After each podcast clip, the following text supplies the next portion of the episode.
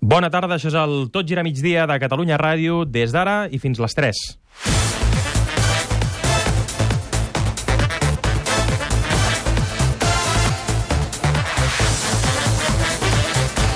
Tot gira migdia, amb Albert Benet.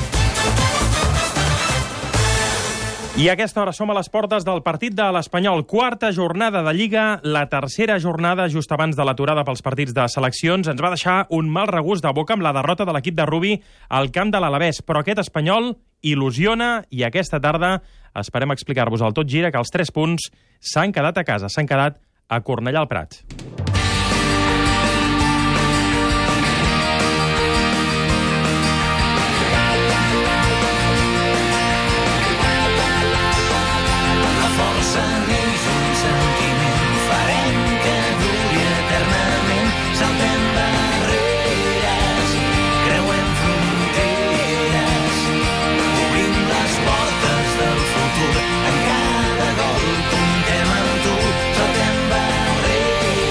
Espanyol llevant a un quart de cinc, des d'uns minuts abans la transmissió de l'Espanyol del Tot Gira. Entrem ja a aquesta hora a Cornellà al Prat, on ja hi són l'Eudal Serra i el Sergi Andreu amb el suport tècnic de David Mendoza. Bona tarda.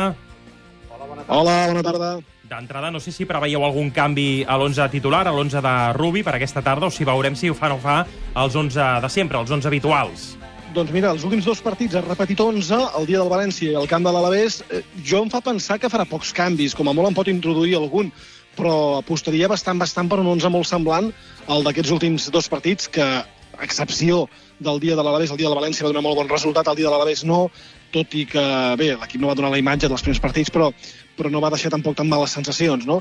Eh, si voleu, el podem, el podem repassar, Albert, aquest 11, possible 11 de l'Espanyol aquesta tarda, que seria el format per Diego a la porteria, amb Javi López i Didac Vilà als laterals, amb Hermoso i David López com a parella de centrals, a partir d'aquí al mig del camp Roca, Darder i Granero com a interiors, Roca com a pivot, i al davant Baptistao i Sergio García a les bandes amb Borja Iglesias com a home de referència en atac. Has mencionat David López, que jugarà de central, arrossegava molèsties, és un fix i, per tant, avui serà sobre la gespa de Cornellà al Prat, eh? Sí, ha tingut molèsties al quadríceps, la cama dreta, durant tota la setmana, tot i que el divendres i dissabte, els últims dos entrenaments de la setmana, ja els va fer amb el grup, i ahir Rubi, en roda de premsa, va dir que avui hi seria i que si no hi havia cap contratemps molt, molt, molt estrany, avui David López seria l'11 titular. I t'escoltava ara atentament, apostaves per Javi López, eh, al lateral dret. Eh, hi ha un jugador, com sabeu, el lateral Roberto Rosales, que encara no ha debutat amb l'Espanyol. Tenim ganes de veure'l. Eh, avui potser potser debuta. No sé si a l'11 titular o no. Eh, us demanaria que us mulléssiu. Eh, Sergi, d'entrada apostes per eh, Javi López. No sé, l'Eudal, si aposta també per Javi López, per Rosales, si el nou futbolista de l'Espanyol podria debutar avui. No sé si d'entrada. Uh, jo, jo, si hagués d'apostar, uh, evidentment no en tinc cap certesa, eh, però jo apostaria perquè Javi López continuarà al lateral dret. Entre altres coses, perquè l'inici de temporada de Javi López ha estat molt bo, jo crec que ha fet molt bons partits, i Rosales acaba d'arribar, ha entrat en dinàmica de grup i, i està entrenant a, un a un molt bon nivell, segurament no trigarem gaire a veure'l, però a mi em sorprendria un palet avui veure Rosales. Mm, home, I potser... deia- Potser uns minuts, Eudal, no? Perquè eh, Rosales ha de ser un futbolista important, no? Està cridat a ser important eh, també a l'equip, no? Sí, sobretot perquè la posició de lateral dret és on més coix anava l'Espanyol fins ara i perquè, entre altres coses, l'altre lateral que hi ha a l'equip, que és Pipa, no havia acabat de, de, de convèncer. Uh, Rosales, jo, com deia el Sergi, crec que avui no serà titular, que ho farà Javi López, que a més a més l'últim partit aquí a Cornellà va ser dels millors, davant el València, però sí que és veritat que és la seva primera convocatòria, que el jugador necessita minuts i que mm, jo no descartaria que avui pogués ser un dels tres canvis possibles durant el partit en funció de com, de com vagin les coses. Si després Rosales es farà una titularitat, caldrà veure el rendiment de Javi López i si Rosales doncs, eh, millora el seu rendiment en- a partir d'ara. Clar, l'Espanyol ha fitxat tan poc aquest estiu, Borja, que és un fix al, al davant, i Rosales, que arriba cedit del, del Màlaga, que al final també, no, sobretot als inicis de temporada, als aficionats els agrada no, veure el, els, nous, els nous fitxatges. Per cert, parlant dels aficionats, l'horari, un quart de cinc, també el temps, no sembla que hagi de ploure, sembla que són favorables per veure un bon aspecte a la graderia, o, o no sé si serà així o hi haurà els 20.000 de sempre i poc més. Home, si s'arriba als 20.000 ja és molt tenint en compte que hi ha hagut partits la temporada passada en què no s'arribava a aquesta xifra. Uh, S'espera que després del bon partit davant el València i la bona imatge que va donar l'equip, avui la gent s'animi. A més a més, l'horari és el mateix, un quart de cinc de la tarda. A més a més, s'han programat diverses activitats al voltant del camp perquè la gent doncs, hi vingui abans, pugui menjar i després eh, entrar a l'estadi. És a dir, hi ha tots els condicionants. No estem parlant d'un horari molt dolent, és un diumenge, a primera hora de la tarda, la gent que ve de lluny després pot tornar tranquil·lament cap a casa i, sobretot, eh, que l'equip va engrescar fa 15 dies. Tot això han de ser motius suficients perquè, com a mínim, hi hagi una entrada correcta al partit d'avui contra el Llevant. Eudal Serra, Sergi Andreu, gràcies, us sentim aquesta tarda. Fins ara. Fins ara. Fins ara. Espanyol Llevant a un quart de cinc amb la transmissió de l'Espanyol dins del Tot Gira, però no és l'únic partit d'avui a primera.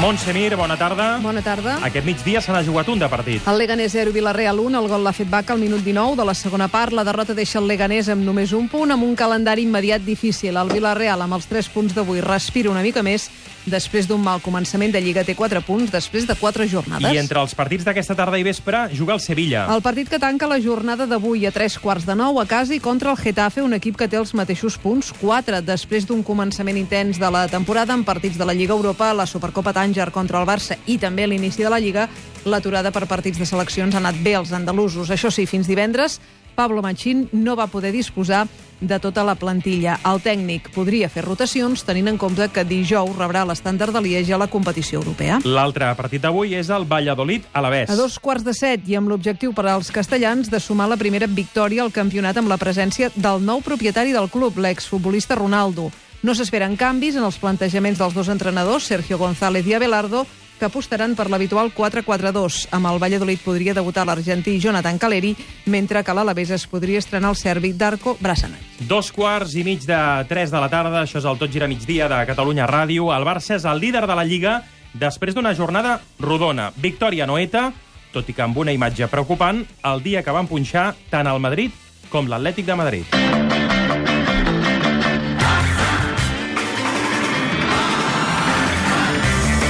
Barça líder amb 12 punts, ple de victòries, Madrid segon amb 10, dos punts menys, Atlètic de Madrid molt despenjat ja a aquestes alçades, cinquè amb 5 punts a 7 del Barça. A Noeta, bona remuntada després del gol inicial de la Reial Societat. Gran Ter Stegen, el millor porter del món, segons Jordi Alba. Bon Dembélé, que continua també fidel a la seva cita amb el gol. Però, Xavi Palau, bona tarda. Bona tarda, Albert. Les rotacions de Valverde no van acabar de funcionar. Semedo i Rafinha van ser les novetats a l'11, Busquets i Coutinho es van quedar a la banqueta, la titularitat de Semedo va situar Sergi Roberto al mig del camp, a l'interior dret, amb Rakitic de mig centre defensiu i amb Rafinha ocupant l'interior esquerre. El Barça espès no va funcionar. Mal inici de partit, amb gol de Lustondo per part de la Reial, minut 12, i mala primera part. Al descans, Valverde va interpretar bé el partit i va donar entrada a Coutinho, que va substituir Semedo. Un canvi que ja va fer a la primera jornada contra l'Alavés al Camp Nou. Sergi Roberto va tornar al lateral i Coutinho va donar una altra cara a l'equip. Uns minuts més tard, Busquets va entrar per Rafinha i el Barça va ser encara més reconeixible. Amb Busquets i Coutinho al camp, el Barça va aconseguir l'empat, va ser l'uruguaià Luis Suárez, i el gol de la victòria al francès Osman Dembélé. A l'últim quart d'hora, Valverde va fer un canvi ja clàssic en aquest començament de temporada. Va posar Aleix Vidal en el lloc de Dembélé. Arturo, eh? Arturo, Arturo Vidal, Vidal, eh? sí, Arturo Vidal. Un mig eh, campista físic per un davanter. Un canvi que pot semblar, sobre el paper, conservador. A Valverde no li va agradar que li preguntessin pel motiu d'aquesta decisió a la roda de premsa posterior al partit. Quedan 15 minutos, nos estaban pillando en varias contras y Arturo es un jugador que, que nos va a reforzar en el, en el medio campo. Y nada más, no sé, le sacaba a Arturo porque pensaba que volvíamos a una disposición de 4-3-3 que estaba bien, sabiendo que Felipe iba a estar ahí haciendo daño y, y ya está, y hemos ganado el partido. Valverde, tot i que el Barça no va acabar de convèncer, es quedava amb la victòria. Tres punts que deixen l'equip blaugrana líder tot sol. El tècnic, això sí, deixava entreveure que del partit de Noeta, tot i el bon resultat amb aquesta victòria 1-2, l'equip en pot aprendre encara moltes coses. Pues no, no me voy muy preocupado. Relativamente, al final siempre hay cosas que mejorar. La Real te puede meter dos o tres contraataques en un partido y tienes que intentar dominarlos. Parto de la base de que nosotros no vamos a venir aquí a Noeta y esto va a ser un, un paseo triunfal porque nunca lo ha sido, ni para el Barça ni para ningún equipo. Me voy un poquito preocupado, un poquito, pero, pero poco. Sembla poc preocupat de Ernesto Valverde. L'endemà de la victòria Noeta i amb la tranquil·litat que dona veure's líder en solitari de la Lliga, el Barça no ha tingut treva. Aquest matí entrenament per preparar el debut a la Champions dimarts contra el PSV. Uh, per cert, que Denis Suárez ha rebut l'alta mèdica després d'un mes i mig lesionat. El gallec es va lesionar en el primer partit de pretemporada a la gira americana a finals de juliol contra el Tottenham. Denis passa a ser, doncs, una altra opció per al tècnic en un mig del camp molt atapeït. Demà, primera roda de premsa pre-Champions. A la tarda i abans de l'entrenament parlaran el tècnic Valverde i el brasiler Coutinho. Al PSB compareixerà el tècnic Marc Van Bommel i l'extrem mexicà, el Chucky Lozano, el recordareu d'aquest estiu al Mundial en Mèxic, aquest extrem de la selecció azteca. I s'havia dit d'aquest davanter, d'aquest mitja punta, que el Barça el seguia. Eh, per tant, dimarts també una bona eh, ocasió pels aficionats del Barça veure'l en directe al Camp Nou en aquest Barça PSB. Torna a la Champions l'endemà de la victòria a Noeta. El Barça va guanyar 1-2 contra la Real Societat. Aquesta tarda juga l'Espanyol, rep el llevant a Cornellà al Prat, en partit que transmetrem a Catalunya Ràdio. I demà serà el torn del Girona, que rebrà el Celta. L'equip torna a Montilivi, on fa 7 partits, 7 que no guanya.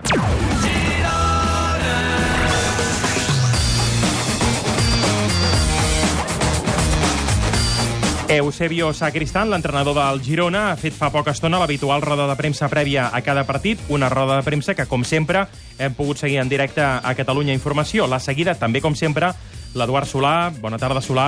Hola, bona tarda, Benet. Abans de l'aturada, el Girona venia de guanyar el camp del Villarreal en aquella gran victòria, però Montilivi, eh, no, sé, no sé què passa. Fa massa temps no, que l'equip no suma els 3 punts. Sí, eh, doncs passa que hi va perdre els últims quatre partits que hi va jugar la temporada passada i tampoc hi ha pogut guanyar els dos que hi ha jugat aquesta. L'any passat, recordes, empat contra el Llevant després d'una sèrie de victòries consecutives i derrotes amb el Betis, l'Espanyol, l'Eibar i el València.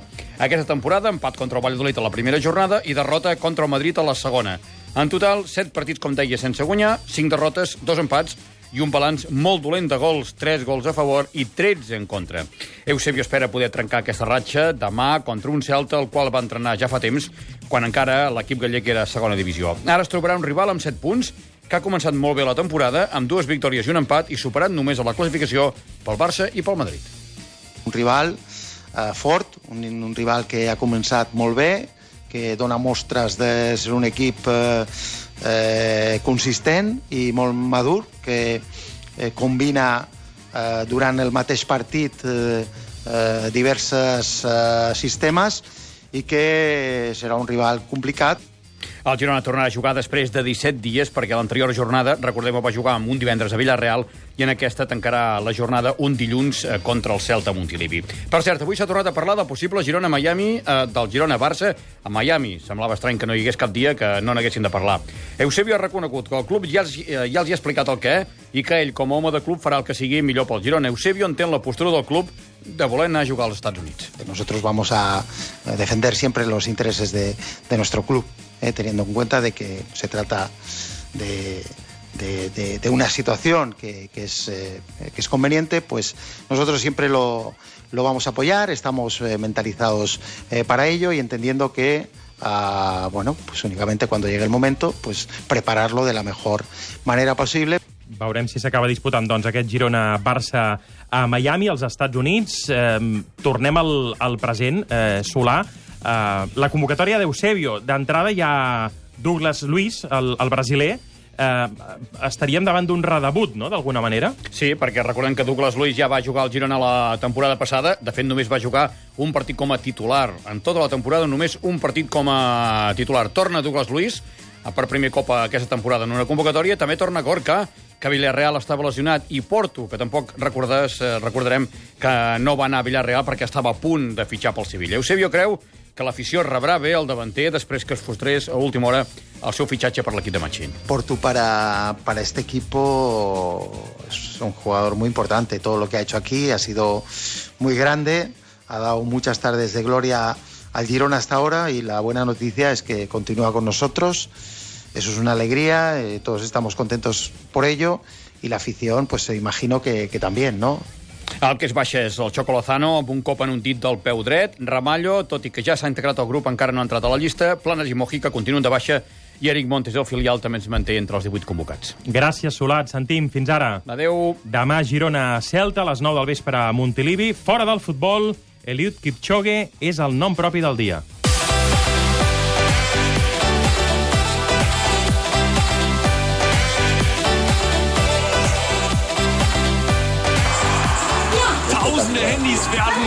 Höhe gehalten. Eliud Kipchoge ist auf dem Weg zum neuen Weltrekord. 100 Meter noch. Kein Nachlassen, kein Zögern. Eine konzentrierte, eine fantastische, eine... Avui a Berlín hi ha hagut notícia, no pas perquè la marató l'hagi guanyat algú inesperat, sinó pel crono que ha fet. Ernest Macià, bona tarda. Bona tarda. Impressionant, aquest Sí. canià de 33 anys ha guanyat sí. la marató de Berlín. Fins aquí tot normal. El que no és normal és rebaixar el rècord en més d'un minut. Exacte, ho ha fet en un minut i 18 segons, que és una autèntica bestiesa. És a dir, ell ha corregut 42 quilòmetres en 2 hores, 1 minut i 39 segons. El seu, la seva obsessió a la vida és baixar de les dues hores.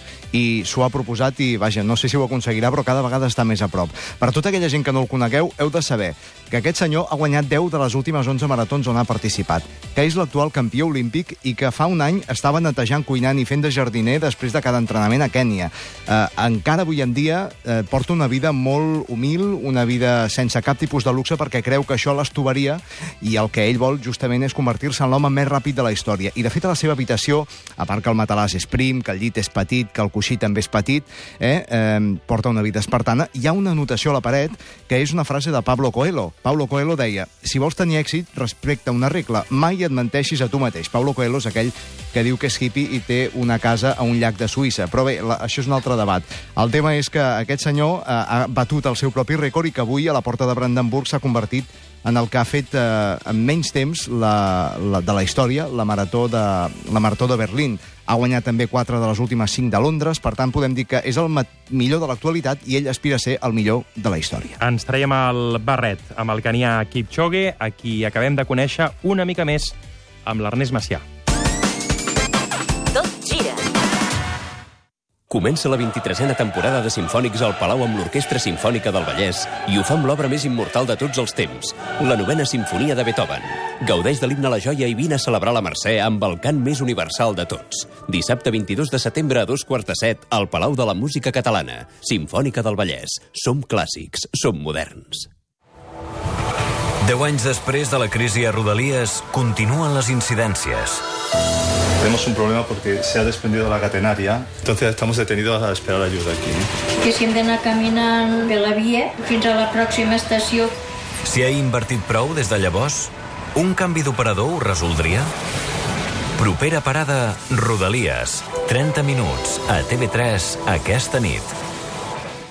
Quan escoltes per primer cop... Tens un Ford Kuga amb motor EcoBoost per 17.950 euros. És com escoltar per primer cop... T'estimo. O un...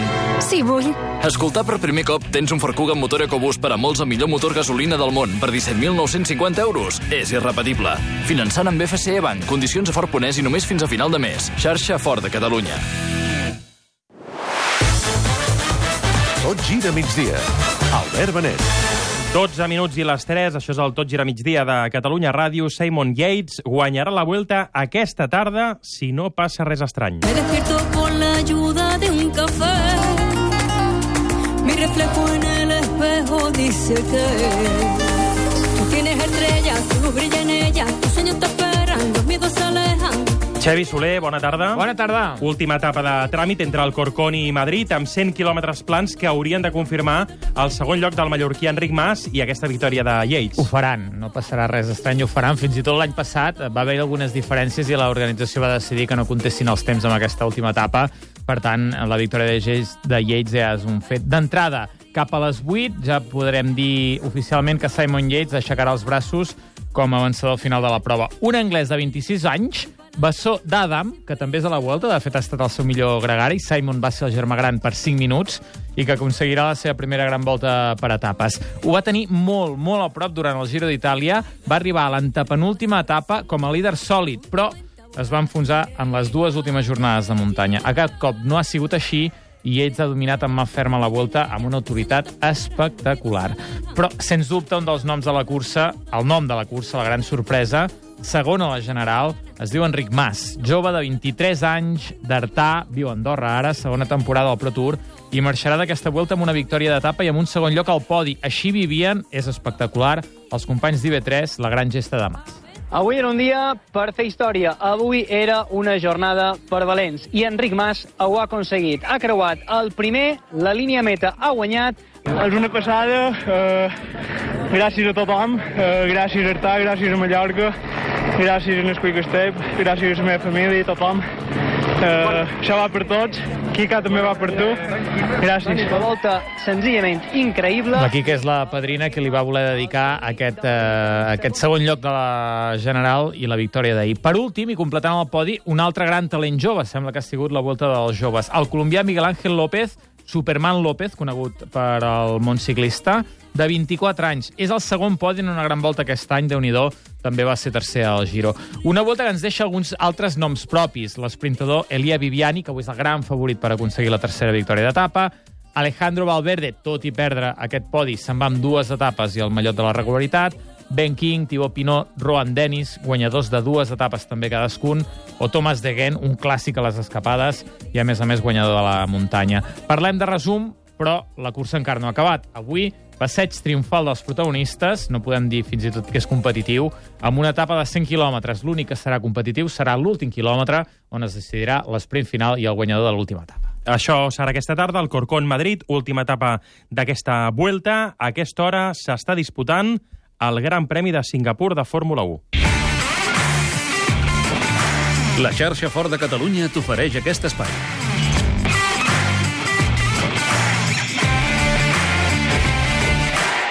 La cursa ha començat a les 2 i 10 minuts al circuit urbà de Marina Bay i amb Lewis Hamilton des de la pole al davant de Verstappen i de Vettel Montse, com va la cursa? Doncs mira, són aquests els tres pilots que la dominen, tot i que ara fa uns instants han fet tots tres l'aturada a boxes i, per tant, no estan encara situats a les primeres posicions, com fins ara quan s'ha disputat un terç de la cursa. De moment, el líder és Raikkonen, seguit de Ricciardo Hamilton, ocupa ja la tercera posició, Verstappen la quarta i Sebastian Vettel la cinquena. Insisteixo, els eh, tres pilots més ben classificats a la sessió d'entrenaments d'ahir que han fet ja la seva aturada a curses. És una cursa amb un ritme més aviat baix, un circuit amb molts revolts i això dificulta, evidentment, els avançaments. De moment, com dèiem, 20 de 61 voltes disputades. Recordo el líder del Mundial, Lewis Hamilton, amb 256 punts, 30 més que Sebastian Vettel. Quan escoltes per primer cop... Tens un Ford Kuga amb motor EcoBoost per 17.950 euros. És com escoltar per primer cop... T'estimo. O un... Sí, vull. Escoltar per primer cop tens un Ford Kuga amb motor EcoBoost per a molts el millor motor gasolina del món per 17.950 euros. És irrepetible. Finançant amb FCE Bank. Condicions a Fort Ponès i només fins a final de mes. Xarxa xarxa fort de Catalunya.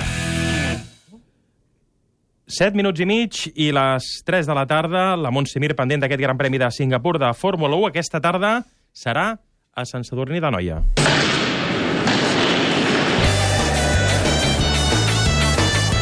perquè el Tot Gira Montse transmetrem la Supercopa d'hoquei patins amb tot un clàssic, un partidàs d'hoquei com el Barça Liceo. Els dos equips que la temporada passada ja es van jugar la final de Copa i es van disputar la Lliga fins a les últimes jornades. El Barça és l'actual campió de la competició, mentre que els gallecs se la van endur fa dues temporades. Els blaugranes han fet una pretemporada amb més partits que els gallecs, que ja han disput, ja que el Barça ha disputat la Lliga catalana. De fet, per ells, per al Barça, el d'avui és el quart partit d'aquesta setmana. Aitor Gorrola, el capità, assegura, però, que hi arriben bé. Aquestes alçades de, de temporada és complicat. Eh, no estem al, al màxim de preparació, però per sort jo crec que hem fet una pretemporada prou llarga i estic convençut de que estarem bé. El Barça va superar ahir el Noia Freixenet a les semifinals, mentre que el Liceo va derrotar el Reus en un partit en què va dominar la primera part però on va fluixar la segona. Edu Castro, l'entrenador del Barça, espera un joc semblant a l'habitual dels gallecs i recorda que els partits contra ells sempre són disputats. 3-1 al Palau, eh,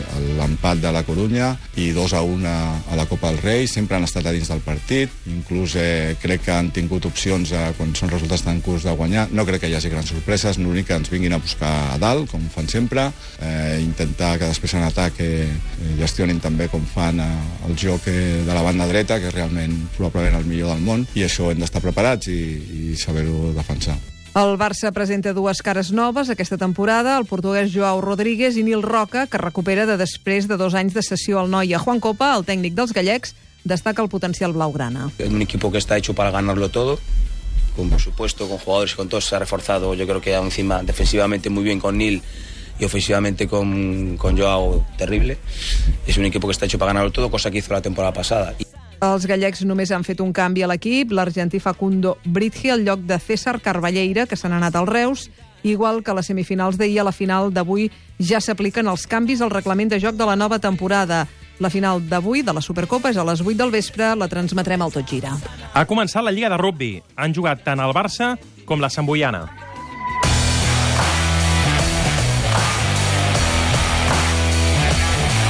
El Barça ha guanyat 19 a 12 contra l'Hernani. La Sant Boiana, en canvi, ha perdut 48 a 31 contra l'Ordícia. A la Fuixarda, l'Oriol Rodríguez ha seguit el partit entre el Barça i l'Hernani. Oriol, com estàs? Què tal? Bona tarda. Hola, Albert, bona tarda, què tal? Debut amb eh, victòria de l'equip blaugrana. Eh, Oriol, explica'ns com ha anat el partit.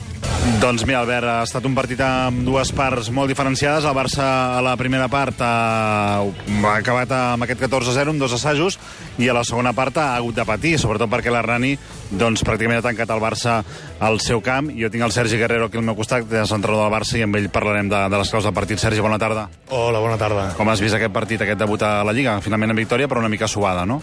Sí, sabíem perfectament que que bueno, durant la setmana de treball ja havíem, ja havíem parlat d'això, que, que sabíem que, aquest, que avui no seria ni, ni, molt, ni molt menys un partit fàcil, seria un partit que ells eh, si aconseguien tenir la pilota i tancar el partit i tancar-nos eh, ho, posarien, ho, ho tindrien molt difícil perquè és un equip que sap guardar la pilota i sap treballar molt bé les seves armes i les seves eines de, del joc.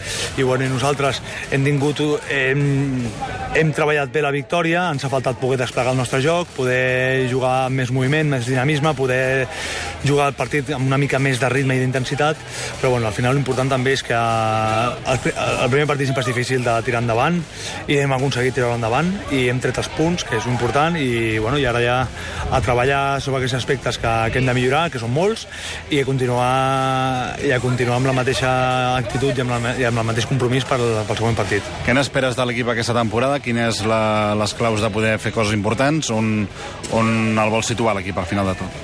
Bueno, jo no el voldria situar en cap lloc de moment. Ja.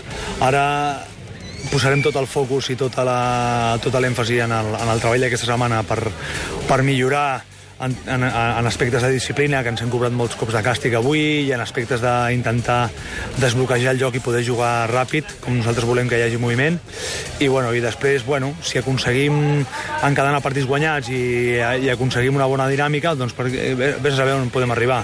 Però bueno, tot depèn de, de la feina i tot depèn de la feina que fem amb el grup i tot depèn també de, de que tinguem de que no tinguem lesions, de que tot vagi una mica rodat i, bueno, i aquell punt d'error que també és important. La setmana que ve contra el campió de Lliga i després amb la Sant Boiana aquí.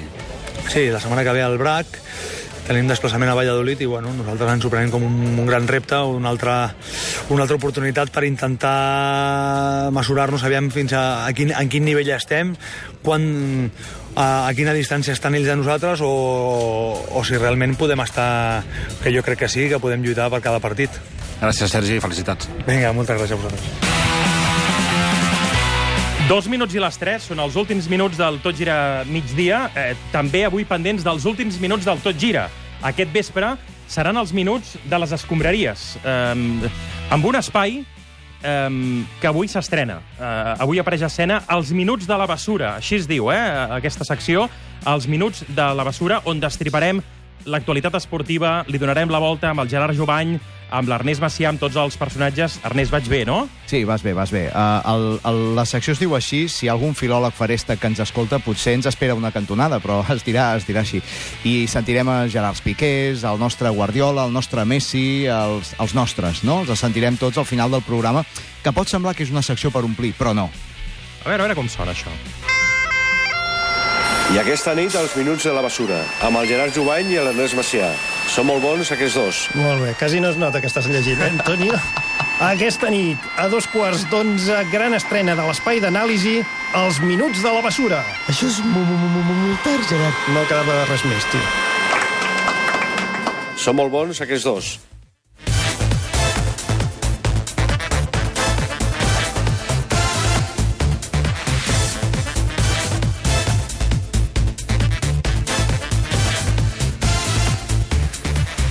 Doncs sí, sí que són molt bons aquests dos i tot l'equip del Tot Gira que eh, s'hi torna a posar a les 4 de la, de la tarda eh, a les 4 i 5 minuts, després del butlletí horari, amb la transmissió de l'Espanyol, amb l'Eudal Serra, amb el Sergi Andreu i tot l'equip del Tot Gira, amb David Clopés al capdavant, aquesta tarda Espanyol llevant des de Cornellà al Prat. I uns minuts abans de les 11 de la nit, Ernest...